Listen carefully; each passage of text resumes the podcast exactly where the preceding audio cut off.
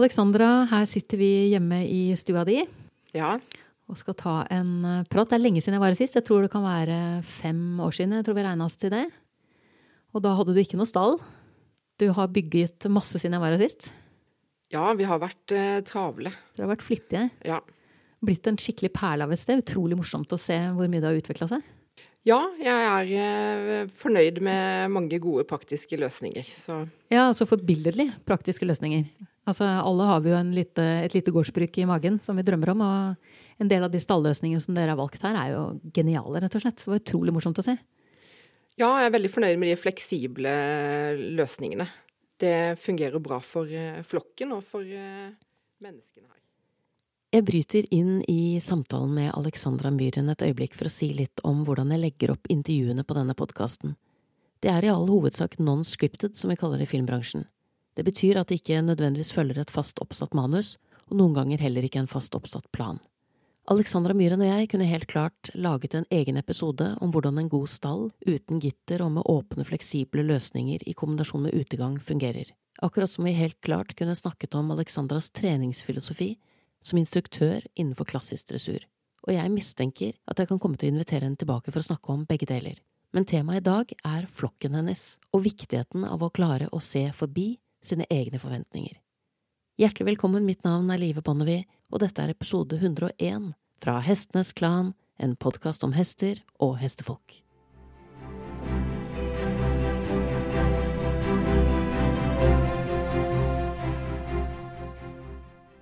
Du har fått en del hester opp gjennom årene som har hatt utfordringer ved start, altså når de kom til deg. Ja, Um, jeg, har, ehm, jeg har vært veldig heldig ved at jeg eh, jeg har, jeg har liksom ikke vært på utkikk etter eller skulle kjøpe liksom en bestemt hest. Hestene de har på en måte falt ned i, eh, i fanget mitt. Jeg har de ikke det? Ja, liksom- det har de. Samtlige hester de, de har kommet til meg på en eller annen eh, måte. Gjennom bekjentskaper eller igjen tilfeldigheter. Og de hestene som da har havnet i fanget ditt, noen av dem Jeg har ridd flere av dem. Jo- Jeg har lært mye av deg og hestene dine, egentlig. Men noen av de hestene som har havnet i fanget ditt, det har vært hester som har hatt eh, ulike typer utfordringer. Kan du si litt om hva slags type utfordringer de har hatt, og hvordan du har eh, angrepet det? Ja, og det er jo også veldig, veldig eh, forskjellig hvilken eh, utfordringer de har, eh, har hatt. Men eh, på det kan jo da trekke litt sånn parallell til, eh, til eh, meg selv. Jeg hadde en sånn veldig eh, Ganske sånn turbulente eh, ungdomsår. Hvor jeg var ganske sånn destruktiv og, og eh, utagerende i min atferd. Og det var mer et, et uttrykk for en, en frustrasjon. Jeg følte at jeg ikke passa inn, og jeg liksom følte at jeg mangla tilhørighet og hadde utfordringer med mange relasjoner. Utfordringer på skolen. Følte at jeg ikke liksom passa inn i systemet eller passa inn i, inn i båsen. Um, og da ser jeg liksom litt også det samme med, med flere av de de hestene jeg har, eh, har hatt, så, så har et, eh, et miljøskifte og, og, noen litt andre Altså egentlig bare et litt annet sånn management. Det har gjerne liksom løst disse symptomene. Altså det er jo ikke hestene som, som det har vært, noe, har vært, noe, feil med. Det er mer at de ikke har liksom fungert i den, i den settingen, da. Kunne vi tatt for oss en av disse hestene som en slags case, for å på en måte belyse litt hvordan du tenker og hvordan du jobber? Ja, um, det kan ha for eksempel vært, vært jeg har hatt noen varmblodshester som har uh, hatt en ganske sånn tradisjonell oppstalling, hvor de har stått uh, mye på boks og vært, uh, vært trent liksom i, i, ridehus eller på ridebane. Hvor hestene kanskje har har hatt en, en, frustrasjon, da. Og den frustrasjonen kan gjerne være i form av at liksom den, den, deres naturlige atferd det, det, er noen behov som ikke blir, ikke blir, dekt. Og da kan det som komme til uttrykk med at de blir voldsomme. F.eks. Altså vanskelig å håndtere. Vanskelig å, og Mye energi under ridningen, da. Og da har jeg jo opplevd at eh, bare det her å, å, sette de i en flokk Jeg har ganske store områder hvor hestene de kan bevege seg mye rundt. Og jeg har en veldig artig flokk eh, som, som, er ganske sammensatt. Ganske broket, egentlig? Ja, det er en ja, spennende, spennende gjeng. Eh, men da ser jeg på det gjerne at eh, da, har liksom, da, har tingene egentlig liksom løst seg av, av seg selv. Og da tenker jeg også å, å møte liksom eh, hestene da med litt et, et åpent sinn, ikke sant. Litt også som, som, oss mennesker, eller jeg er jo lærer på, på, videregående, og det er litt også samme med hvordan man møter elever, ikke sant. Hvis man, hvis man er forutinntatt, så skaper man jo gjerne, gjerne da, man har en forventning da, som, som gjerne blir, blir, innfridd fordi at man ja, møter de på en, på en, spesiell måte. Og da ser jeg med, med hestene at måte, hvis man har en liksom åpen, åpen tilnærming, så, så overrasker, de, overrasker, de, gjerne. Så, så, det jeg gjerne har, har gjort med hestene, er at jeg har sluppet de ut i, i flokken og, og, latt de en periode få være hest. Og så har jeg på en måte prøvd å bli litt kjent med den, den hesten med liksom blanke ark, da. Så du har startet med å introdusere dem til flokken og, og, latt dem på en måte finne en plass der før du har begynt å trene overhodet? Ja. Eh, og da er det veldig sånn Ja, det er variert veldig hvor, hvor mye tid eh, Ja, hvor, hvor, lang tid det har tatt før jeg på en måte har, har startet å, å, å, trene dem. Men da har jeg gjerne også startet med eh, bare å bli, bli kjent fra, fra bakken. Eh, mens han andre hester hvor jeg har bare kjent at nå kan jeg sette meg opp og ri. Så når du begynner med den hesten, så er ikke det noe du bestemte deg for eh, etter Dagsrevy kvelden før, at i morgen så skal jeg begynne? Du, du, tar den avgjørelsen når du kommer ut og møter hesten, og er det magefølelsen som styrer det da? Ja, det tror jeg det ofte er. Eh, og, og, ofte også at man, på måte, man, man ser an hvordan, hvordan, hesten på en måte er den, den dagen. For, eh, for, der kan de også overraske en. Eh, og det er gjerne sånn at man eh, ja, man trener den hesten man hadde for, for, tre år siden, og ikke den hesten man, man har i dag. Eh, jeg husker jeg var på en trening med, med veldig dyktig norsk trener Lillian Grepne for noen år siden. Og da kom jeg dit med min hingst, Amigo. Og han er en veldig cool, laidback fyr. Og så husker jeg hun sa liksom at å, han er så arbeidsvillig, og han bare ja, vil liksom gjøre alt for deg. At han, han var en sånn eh, eh, Ja, han tilbyr mye, da, under treningen. Mens jeg hadde jo da på en måte satt han litt i, et, i en bås som at han var litt lat og, og treig. Og det Ja, det var sånn en, en, en vekker for meg. Eh, og det gjør man jo hele tiden. Om det er liksom ut ifra rase, eller for eksempel, jeg har en, en uh, fjording som eh, har en eh, historie egentlig som en veldig, veldig følsom og um, Altså en følsom hest med, med mye energi. Men, men, fordi at han kommer i den innpakningen, så er, det, så er det fort at man tenker at han er liksom treg og, og sta. Og jeg tenkte at han, han kan jeg jo fint ha, for han kan jeg bruke i, i undervisning. For han er en, en stødig og allsidig hest som kan gå med mye ulike ryttere. Men sånn er det ikke.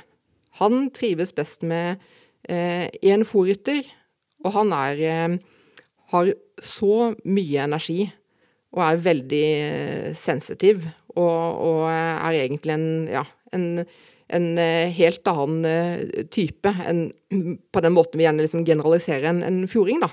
Mens eh, min spanske eh, hingst, som på en måte skal være den eh, super eh, Ja, supersensitive, masse energi, han, han, trives jo veldig godt med å gå med veldig små barn på, på ridetime.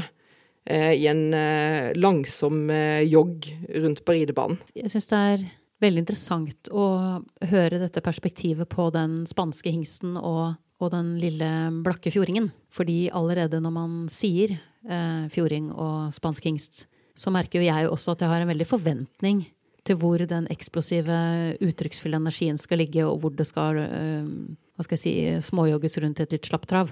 Altså, så, så, disse oppfatningene vi har av hester, er jo noe som jeg tenker også er viktig å, å kjempe mot. Da. Ja, og, og det, er jo, det, er jo, sånn at hvis man har noen, man har noen forventninger til, til noen, så, så, er det gjerne sånn også at de da vil innfri til de forventningene.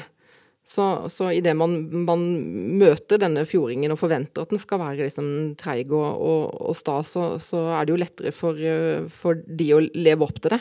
Og det er jo en, en øvelse å hele tiden på en måte se hesten med, med et åpent eh, blikk og være litt objektiv. Altså vi, vi, tar jo ofte så mye av våre egne forventninger inn i møtet vårt med, med hesten. Så hvis vi har, har kjøpt en eh, en eh, dressurhest for, eh, for, mye penger, og vi, vi, har en forventning om at den skal innfri, så, så kan det også være at vi, vi setter hesten i, i, bås. Jeg fikk en gang en, en spranghest eh, som ikke trivdes som, som spranghest. Den ble liksom usikker og, og, og redd i den, i den settingen. Og da er det på en måte viktig også, å se an, eh, an hesten. I, eh, I, Tyskland så var en av, eh, en av de Noe av det første vi hadde på, på, teorien, det var at vi hadde om Code of Conduct fra, fra det, det, tyske rideforbundet. Og disse ni prinsippene, da, de er jo helt fantastiske. Så hvis man, hvis man hadde liksom levd etter de, da hadde både hester og mennesker hatt, hatt det veldig bra. Men eh, der, der, sier du på en måte også at eh, man, skal, eh, man skal på en måte se an, eh, se an eh, hesten. At eh, man skal på en måte se an hestens fysiske og, og, psykiske forutsetninger og, og, ressurser i forhold til hva man velger å, å bruke den til. Så den, den fjordingen, som i prinsippet burde være en, eh, en super kjørehest, men som er veldig bakredd. Da må man jo heller legge, liksom, legge det til side og, og, finne hvilke ressurser som bor i den hesten. For eh, han kan jo kanskje fungere ja, bedre som en, en, en ja, dressurhest og trives med, med det. Jeg får jo noen sånne refleksjoner opp rundt dette med både dette med miljøskifte. Eh, i forhold til man kjøper en dyr dressurhest, eh, snur sånn sett opp og ned på miljøet til hesten eh, og setter den ut på ridebanen, setter seg opp og forventer å få det samme som man fikk da man prøver i et annet sted, i en annen tid, i et annet miljø. Altså, for det kan vel også slå negativt ut? Ikke sant? At en hest forlater en ramme som den har vært vant til å trives med, og kommer til et nytt sted hvor. Altså, jeg bare tenker ofte på hvor mye de må forholde seg til, sånn som du sier, av våre forventninger, av våre ønsker og våre planer. Hvis man er en dressurhest som ikke er så glad i dressur, eller en spranghest som ikke er så glad i sprang, så er jo vi så enkle at vi plukker den hesten som vi likte og skal ha den til det vi skal ha den til. Og så er det ikke alltid at det er så lett for oss å gjøre sånn som du snakker om, og så korrigere kurs og si hvilke dyr er dette, og hva, hva er det rette veien å gå med akkurat denne spesifikke hesten. Ja, og det er det som, det er, det som, er, veldig, som er, veldig, vanskelig. Men det er jo det som er, vårt, eh, det som er vårt ansvar når vi har hest. Jeg tenker at eh, det er veldig viktig at man eh, tilpasser seg det individet man har. Jeg er jo sikker på med mine hester, hvis de hadde fått, fått valget, så er det ikke sikkert at de hadde valgt å, å gå så mye på ridebanen. De vil jo sikkert ha Ja, de foretrekker å, å spise grovfòr og og henge sammen i, i skogen. Så det her med trening, det tenker jeg at, at hester har, har, godt av å bli trent. Eh, og det er både viktig for, for uh, kroppen deres, også for å, å få en type, type, mental stimuli. Hvis ikke de eh, får det de, de resterende 23 timene i døgnet. Men, men, jeg tenker det er viktig at man, at man prøver allikevel å tilpasse det individet. Og også at man er villig til å å endre retning og endre, endre kurs underveis. Vi har jo ofte en veldig sånn tydelig agenda med våre hester, ikke sant. Den hesten, den, den skal jeg bruke til, eh, til det. Men, men, hestene igjen, de har jo ikke den samme agendaen. Og det er jo på en måte noe vi kan, vi kan eh, lære av hestene, hvor, hvor, åpne de er, og hvor, hvor eh, objektive de er. Jeg ble også litt sånn nysgjerrig på hva du tenker rundt uh, enten en spranghest som ikke er noe glad i å hoppe, eller en dressurhest som ikke er komfortabel med å være en dressurhest. Altså disse signalene som hesten sender, i hvert fall min erfaring, kan ofte være veldig subtile. Altså at de, det er mye de gjør fordi de får beskjed. Det er ikke alltid det er så uttalt. Men det jeg merker med deg og dine hester, er jo at du er veldig, du er veldig god til å lese dem og forstå dem. Så hvordan, hvordan har du Jeg lurer liksom på om det går tilbake til når du lekte i skogen og ble kjent med hester på den måten, altså at du har en type eh, god følsomhet da, for, for hva, som, hva, som, skjuler seg bak lydigheten og bak det innlærte hos hesten? Ja, det, det kan det være, men også mye eh, prøving og feiling. Eh, så, og, og det, det, skjer jo stadig. At jeg, jeg går jo på noen, går jo på noen, eh, noen blemmer. Og det er jo mange hester jeg kunne ønske at jeg kunne hatt igjen. Hvor jeg kunne ha gjort ting på en, på en annen måte.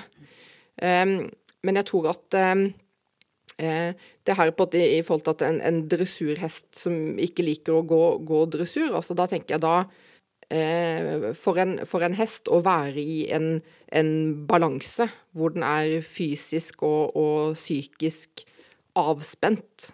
Altså alt handler om balanse. Og hvis de er i, i balanse, da, da, vil de trives. Eh, og, og, eh, og da, da, vil, da, vil, det også for de kjennes godt ut å bruke, å bruke kroppen, da. Så jeg tror også mye av de ja, motstanden og utfordringene man, man kjenner i, i, trening. Det handler om en eller annen form for en, en, en ubalanse. Um, om det er uh, ja, at testen er uh, ja, opplever stress og, og, spenning, men det kan jo også komme ifra fra en, en fysisk ubalanse. F.eks. hvis en hest ja, går veldig på, på, forparten, eller er veldig Beveger seg, er veldig, veldig skjev, altså er veldig ulik i, i, i, sidene, så vil også det påvirke hesten eh, mentalt. Altså det er veldig ubehagelig eh, for en hest f.eks. å bli, å bli eh, ja, bedt om å gjøre diverse øvelser hvis den, hvis den kjenner at, at uh, kroppen er i en ubalanse.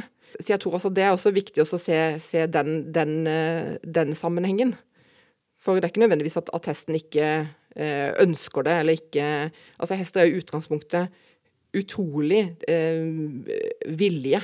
Og altså bare tenke på det her altså fra, fra i løpet av liksom de 50 millioner årene hvor de har liksom utvikla seg fra eohippus til nå, og vi mennesker vi har på en måte domestisert eh, hester i vet ikke, 8000 år. Og hvis man både ser på, på ja, hva vi kan, kan, gjøre med hester, når vi egentlig bare har vært liksom, i deres historie et, et, lite øyeblikk Det sier noe om hvor, hvor, eh, hvor villige de er, og hvor, eh, hvor, samarbeidsvillige de er. Så jeg tenker at det er viktig å se på eh, eventuelle ja, utfordringer eller liksom problemer man møter, at man på en måte prøver å se hva det dette her er et symptom på. For det kan være Ja, det kan være eh, f.eks. en, en, en eh, ja, et, en, en, frustrasjon i forhold til at en ikke får eh, ja, dekket sine sosiale behov, eller fri bevegelse, eller gråfòr. Det kan være, det kan være altså de helt sånn elementære heste... Eh, ja, det som er, er helt eh, livsviktig for en, for en hest. Hvis, ja, For hvis man da klarer å legge opp både treningen og livsmiljøet til hesten på en måte som er optimal, så vil, så vil hesten på en måte også gi masse tilbake? Jeg husker en, eh, en veldig, veldig flott eh, hest jeg fikk servert i fanget. Og det var jo en hest som jeg synes var veldig, var veldig flott. Og så plutselig så, så fikk jeg den, eh, den, hesten. For det var, eh, var en del sånn utfordringer med den, med den, hesten. Og da husker jeg at når den hesten kom, da tenkte jeg med en gang Hva har jeg gjort nå?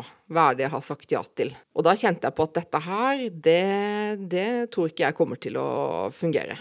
Kan du si litt om hva slags utgangspunkt du da hadde? Ja, det var en veldig, veldig flott varmblodsridehest. Med veldig høyt stressnivå. Fikk ikke noe Altså, fikk ikke noe kontakt. Altså, det var som om den hesten var på en, en egen eh, planet.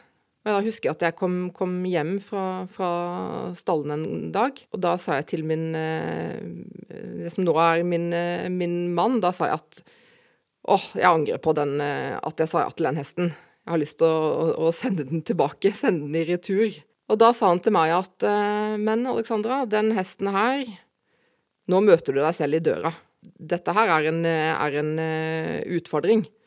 For da sånn som jeg hadde beskrevet den hesten, så var jo det egentlig veldig mye å, å beskrive også meg selv. Høyt stressnivå, impulsiv, eh, ja, mangler fokus. Eh, jeg har jo ADHD.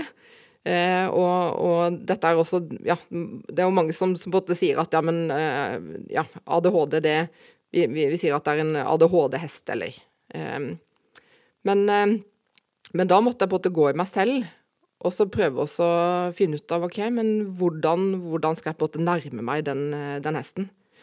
Og den hesten, den brukte jeg mange måneder med fra, fra bakken. Og i starten, når jeg skulle ri den, så hadde jeg en, en hest. Jeg husker da eh, faktisk eh, Dave Sinn eh, Jeg husker jeg har en liten videosnutt av han undervise, hvor han måtte holde en, en hest i, i, midten av eh, volta, mens jeg da kunne, kunne, ri rundt. Det var liksom der man kunne, kunne starte. Og så bygga man det liksom uh, sakte, men sikkert opp derfra. Men da måtte jeg på en måte Da var på en måte sånn min agenda med den, den hesten. Jeg måtte jo endre helt ikke sant? Vi måtte, jeg ville jo ri den Jeg ville jo bare ri dressur på den der flotte hesten. Men, men jeg måtte endre helt eh, tilnærming. Så der var det liksom, ja, ut og ri på, på tur i skogen. Eh, og jobbe veldig mye med meg selv og mitt eget stressnivå og mitt eget eh, fokus. Um, og det har vært veldig, har vært veldig nyttig liksom i, i, møte med, i, møte med, andre hester. Altså den, den erfaringen, eh, erfaringen der å kunne, å kunne eh, skifte retning og innse at eh, det jeg hadde tenkt, det, det, er ikke det som, det ikke det som eh, funker her. Jeg kan ikke følge den der treningsplanen min, for denne hesten her, den, den eh, tar meg i en annen retning. Hadde mannen din eh, rett i at den hesten ble en, eh, en god deal for deg? Ja. Veldig. Eh, men det tok lang tid. Og da var han en, en som, som, ikke har Hadde ingen erfaring med, ingen erfaring med, med hest.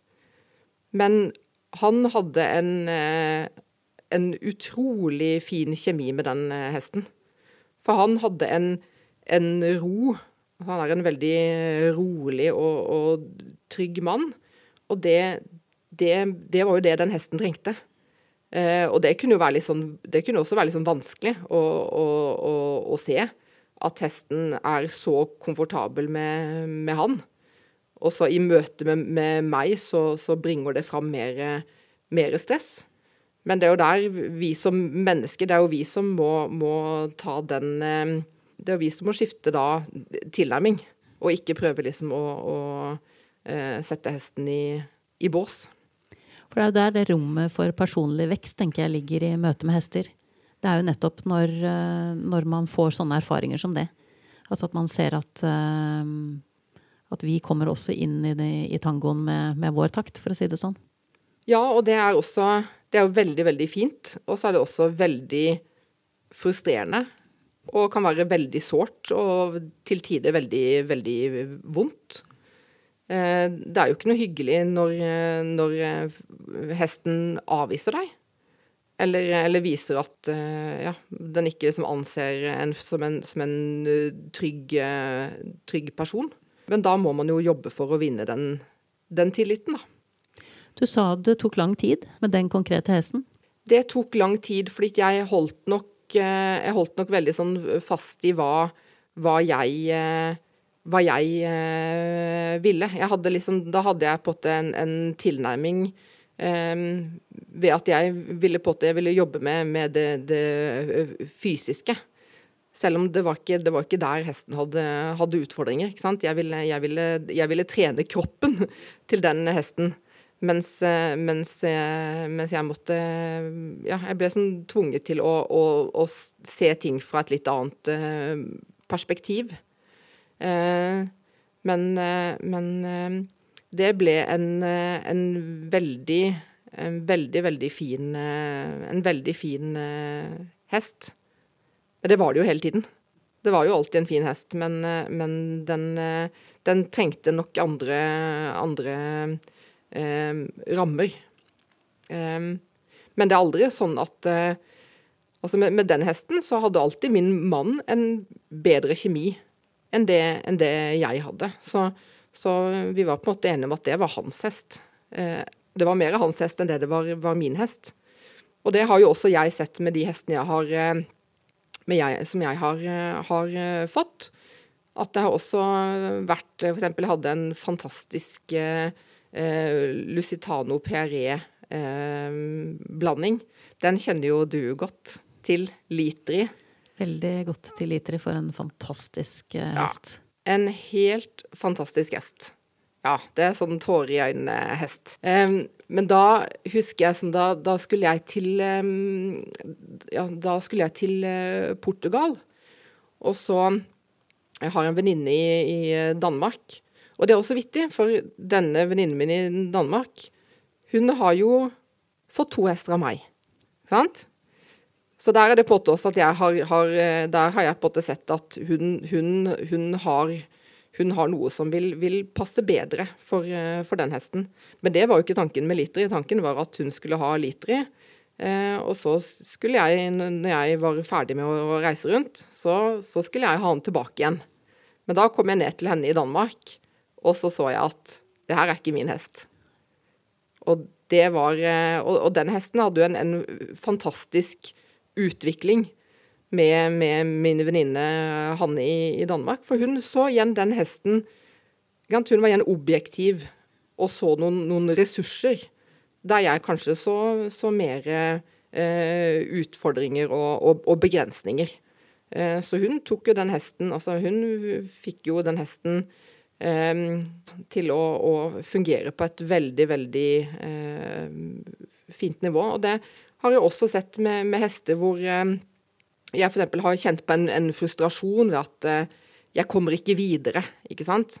Eh, jeg har kjent på at jeg har noen ambisjoner, og, og jeg kommer ikke videre med denne hesten.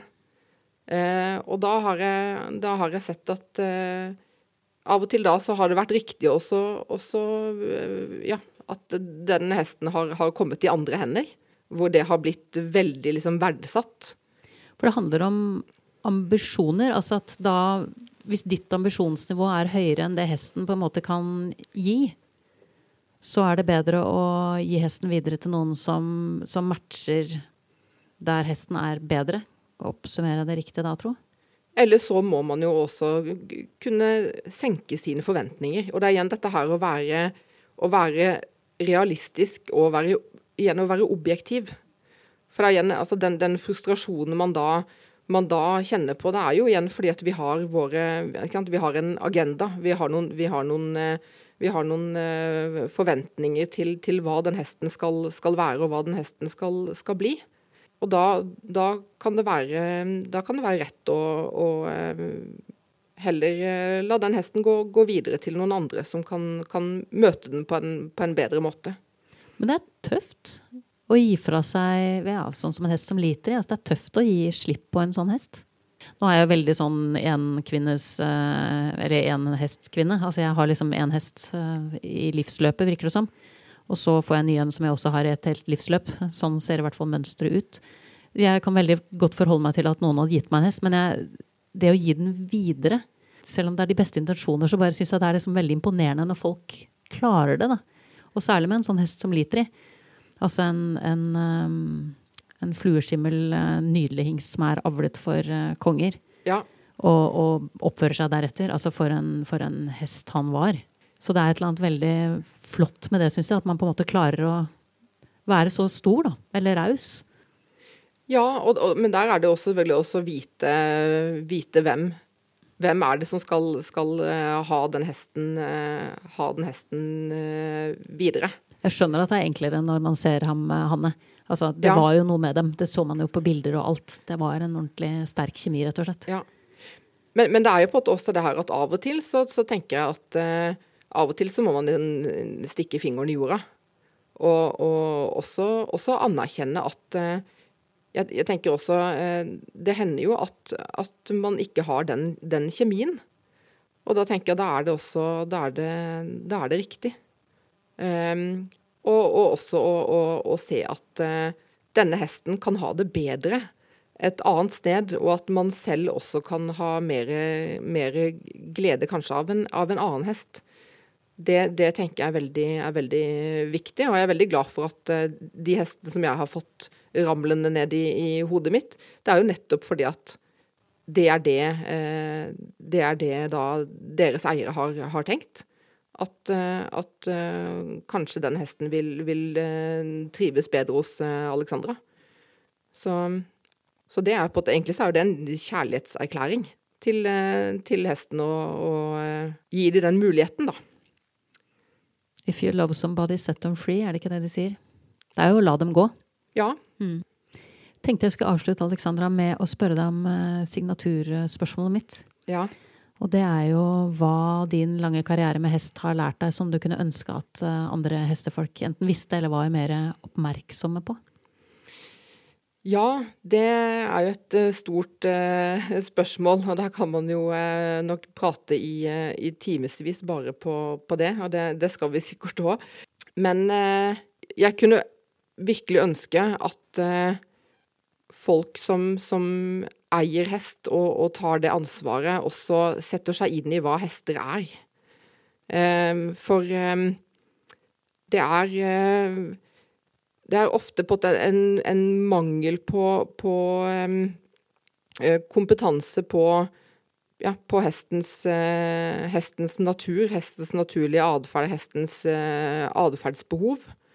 Uh, som jeg tenker at vi det, det må vi ha kompetanse på når vi skal, når vi skal ha de. I tillegg til ja, om det er uh, fòring og uh, ja, høver osv. Men eh, men dette her å, å sette seg litt inn i hva er en, hva er en hest, hvordan, eh, også hvordan hestens hjerne fungerer, hvordan de, hvordan de eh, lærer, hvordan, ja, hvordan de, de fungerer, det tenker jeg det er veldig viktig.